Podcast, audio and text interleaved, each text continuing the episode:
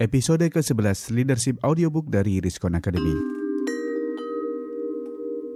Produced by Riskon Academy, enhancing your personal development to the next level.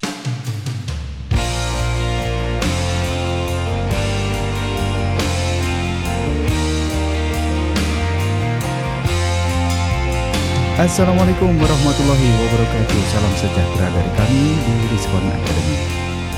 Bagi Anda yang baru saja mengakses serial leadership audiobook dari Riskon Academy ini, kami ucapkan selamat datang dan terima kasih telah bergabung dalam komunitas ini. Jangan lupa untuk memberikan like atau subscribe pada serial leadership audiobook ini agar semakin banyak sahabat kita yang mudah menemukan serial leadership audiobook ini melalui search engine, atau berbagai layanan online lainnya. Ya, apa kabar teman-teman sekalian? Semoga semua sehat dan selalu dalam lindungan Yang Maha Kuasa. Pada hari ini, tidak terasa kita sudah masuk pada akhir pekan dari minggu pertama bulan Februari. Waktu terasa semakin cepat berlalu, dan Ya, kita tiba-tiba saja sudah berada di bulan Februari, bulan kedua dari tahun 2016. Bagaimana dengan pencapaian target-target Anda di tahun 2016 ini? Apakah sudah mulai terlihat track yang benar atau masih jauh dari target yang Anda rencanakan? Sahabatku sekalian, pengelolaan waktu dan pengelolaan diri adalah dua hal yang tidak dapat dipisahkan. Apabila kita ingin mengelola diri menjadi orang yang lebih baik, maka kita harus mampu mengelola waktu yang kita miliki dengan lebih baik pula.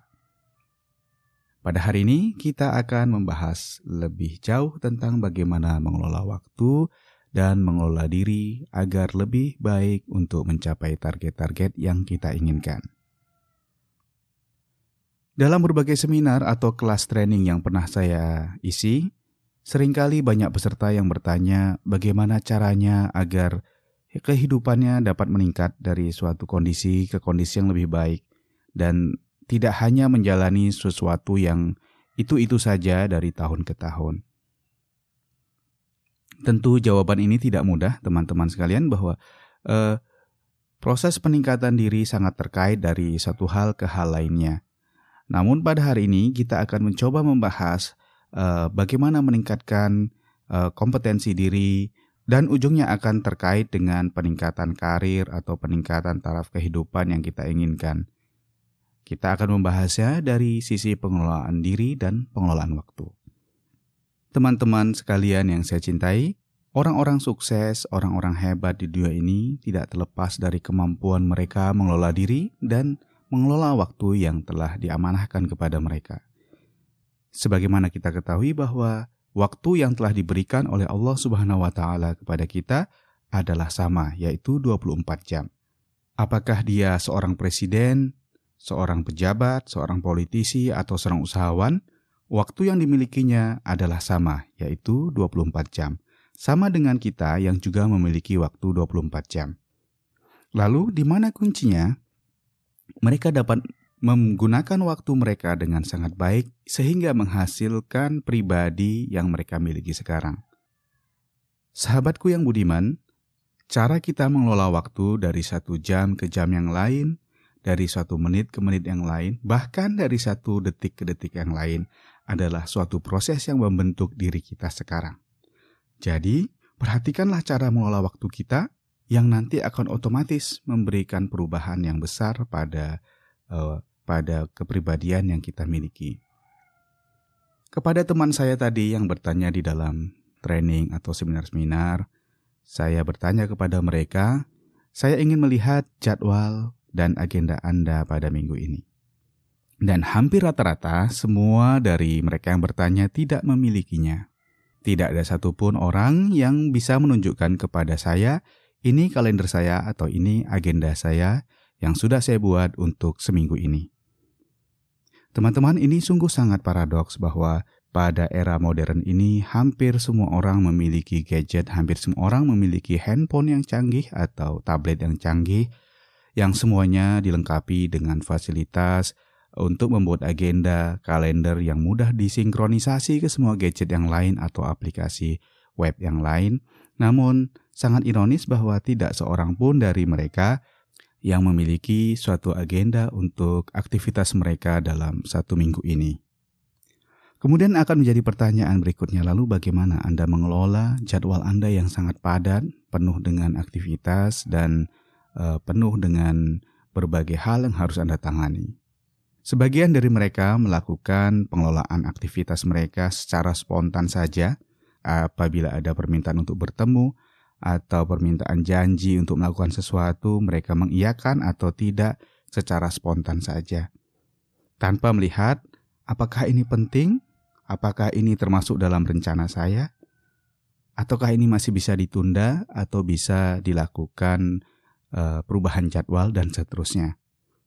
Teman-teman sekalian, ini menjadi suatu penyebab yang jelas bahwa mungkin saja dari tahun ke tahun kehidupan kita tidak berubah karena kita tidak memang kita memang tidak membuat janji dengan perubahan itu sendiri kita tidak membuat janji dengan kesuksesan itu sendiri. Ada sebuah buku yang berjudul Getting Things dan yang ditulis oleh David Allen. Uh, saya rekomendasikan untuk teman-teman baca salah satu buku yang baik untuk bagaimana mengelola diri, mengelola waktu, agar banyak target kita, banyak hal-hal yang ingin kita capai dapat terwujud.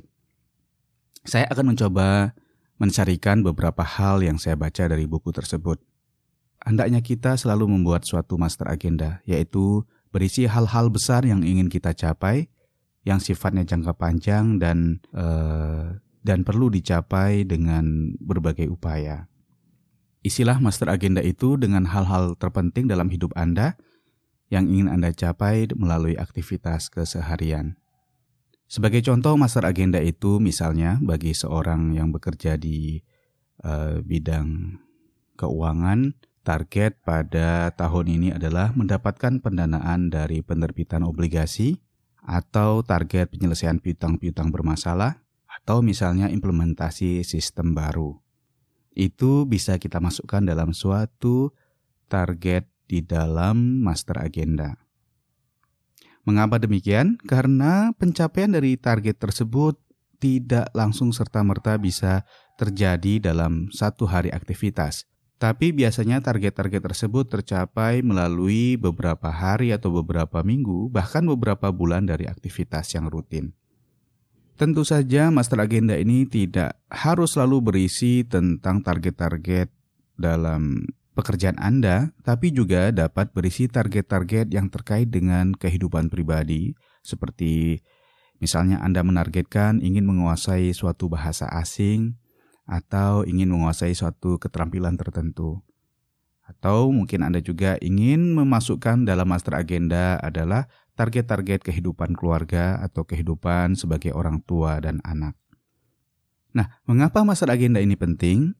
Karena sedemikian banyaknya peran kita dalam kehidupan apabila kita tidak menyusun, apabila kita tidak menyusun suatu agenda yang mengumpulkan berbagai hal penting itu, maka kita akan kesulitan untuk menentukan prioritas. Kita akan kesulitan untuk menentukan mana yang harus kita capai, mana yang harus kita dahulukan, dan mana yang masih bisa menunda. Tanpa master agenda yang berisikan suatu uh, yang berisikan berbagai hal-hal terpenting dalam hidup kita, bisa jadi kita akan penuh dengan jadwal yang sibuk dalam setiap harinya, namun tidak mencapai hal penting dalam hidup kita. Mungkin teman-teman bertanya, bagaimana cara membuat master agenda ini? Mungkin teman-teman bertanya, bagaimana cara membuat master agenda ini? Ya, jawabnya sangat mudah. Anda bisa menuliskannya di dalam sebuah buku agenda, dalam sebuah buku cita-cita, atau dalam uh, selembar kertas, atau melalui sebuah aplikasi seperti Evernote atau Eh, aplikasi-aplikasi lain yang tersedia secara uh, online. Ada juga teman saya yang menulis master agendanya di screensaver komputernya, sehingga setiap saat dia bisa melihat apa prioritas penting di dalam kehidupannya. Nah, setelah menyusun master agenda tadi, maka kita perlu menurunkannya menjadi aktivitas keseharian yang akan kita laksanakan. Penyusunan aktivitas itu bisa dilakukan secara bulanan atau uh, dua mingguan atau mingguan. Saran saya, uh, lakukanlah penurunan aktivitas dari master agenda itu menjadi aktivitas-aktivitas rutin setiap hari dalam jangka waktu setiap minggu. Karena menurut saya satu bulan atau dua minggu masih terlalu uh, jauh dari kenyataannya. Kadang-kadang ada perubahan yang terjadi dalam minggu demi minggu sehingga dapat merusak jadwal kita. Sedangkan untuk penyusunan jadwal satu minggu menurut saya sangat efektif karena kita sudah bisa memprediksi dengan lebih tepat apa-apa yang harus kita kerjakan dalam minggu-minggu tersebut. Biasakanlah memiliki waktu secara khusus e, untuk menyendiri, untuk fokus menyusun agenda kerja mingguan Anda atau agenda aktivitas mingguan Anda. Caranya, perhatikanlah master agenda yang telah Anda susun sebelumnya. Lihatlah apa saja di situ eh, hal-hal e, terpenting dalam kehidupan Anda yang harus Anda capai. Kemudian, e, perkirakanlah jadwal kegiatan minggu ini, apa saja yang harus Anda capai, janji dengan siapa saja yang harus dipenuhi, apa saja yang harus dikerjakan, dan harus diserahkan kepada perusahaan atau atasan Anda, atau kepada klien Anda. Perpaduan antara master agenda dengan jadwal akan membuat aktivitas Anda minggu ini akan efektif dan uh, semua yang Anda tuliskan dalam jadwal satu minggu seharusnya sudah mengacu pada target-target besar atau hal-hal terpenting dalam hidup yang harus Anda capai. Mungkin sahabat bertanya lagi, e, bagaimana cara menyusun atau di mana saya bisa menyusun jadwal mingguan dengan baik? Sekali lagi ini juga jawabnya sangat mudah tergantung dari bagaimana kita ingin jadwal itu kita laksanakan.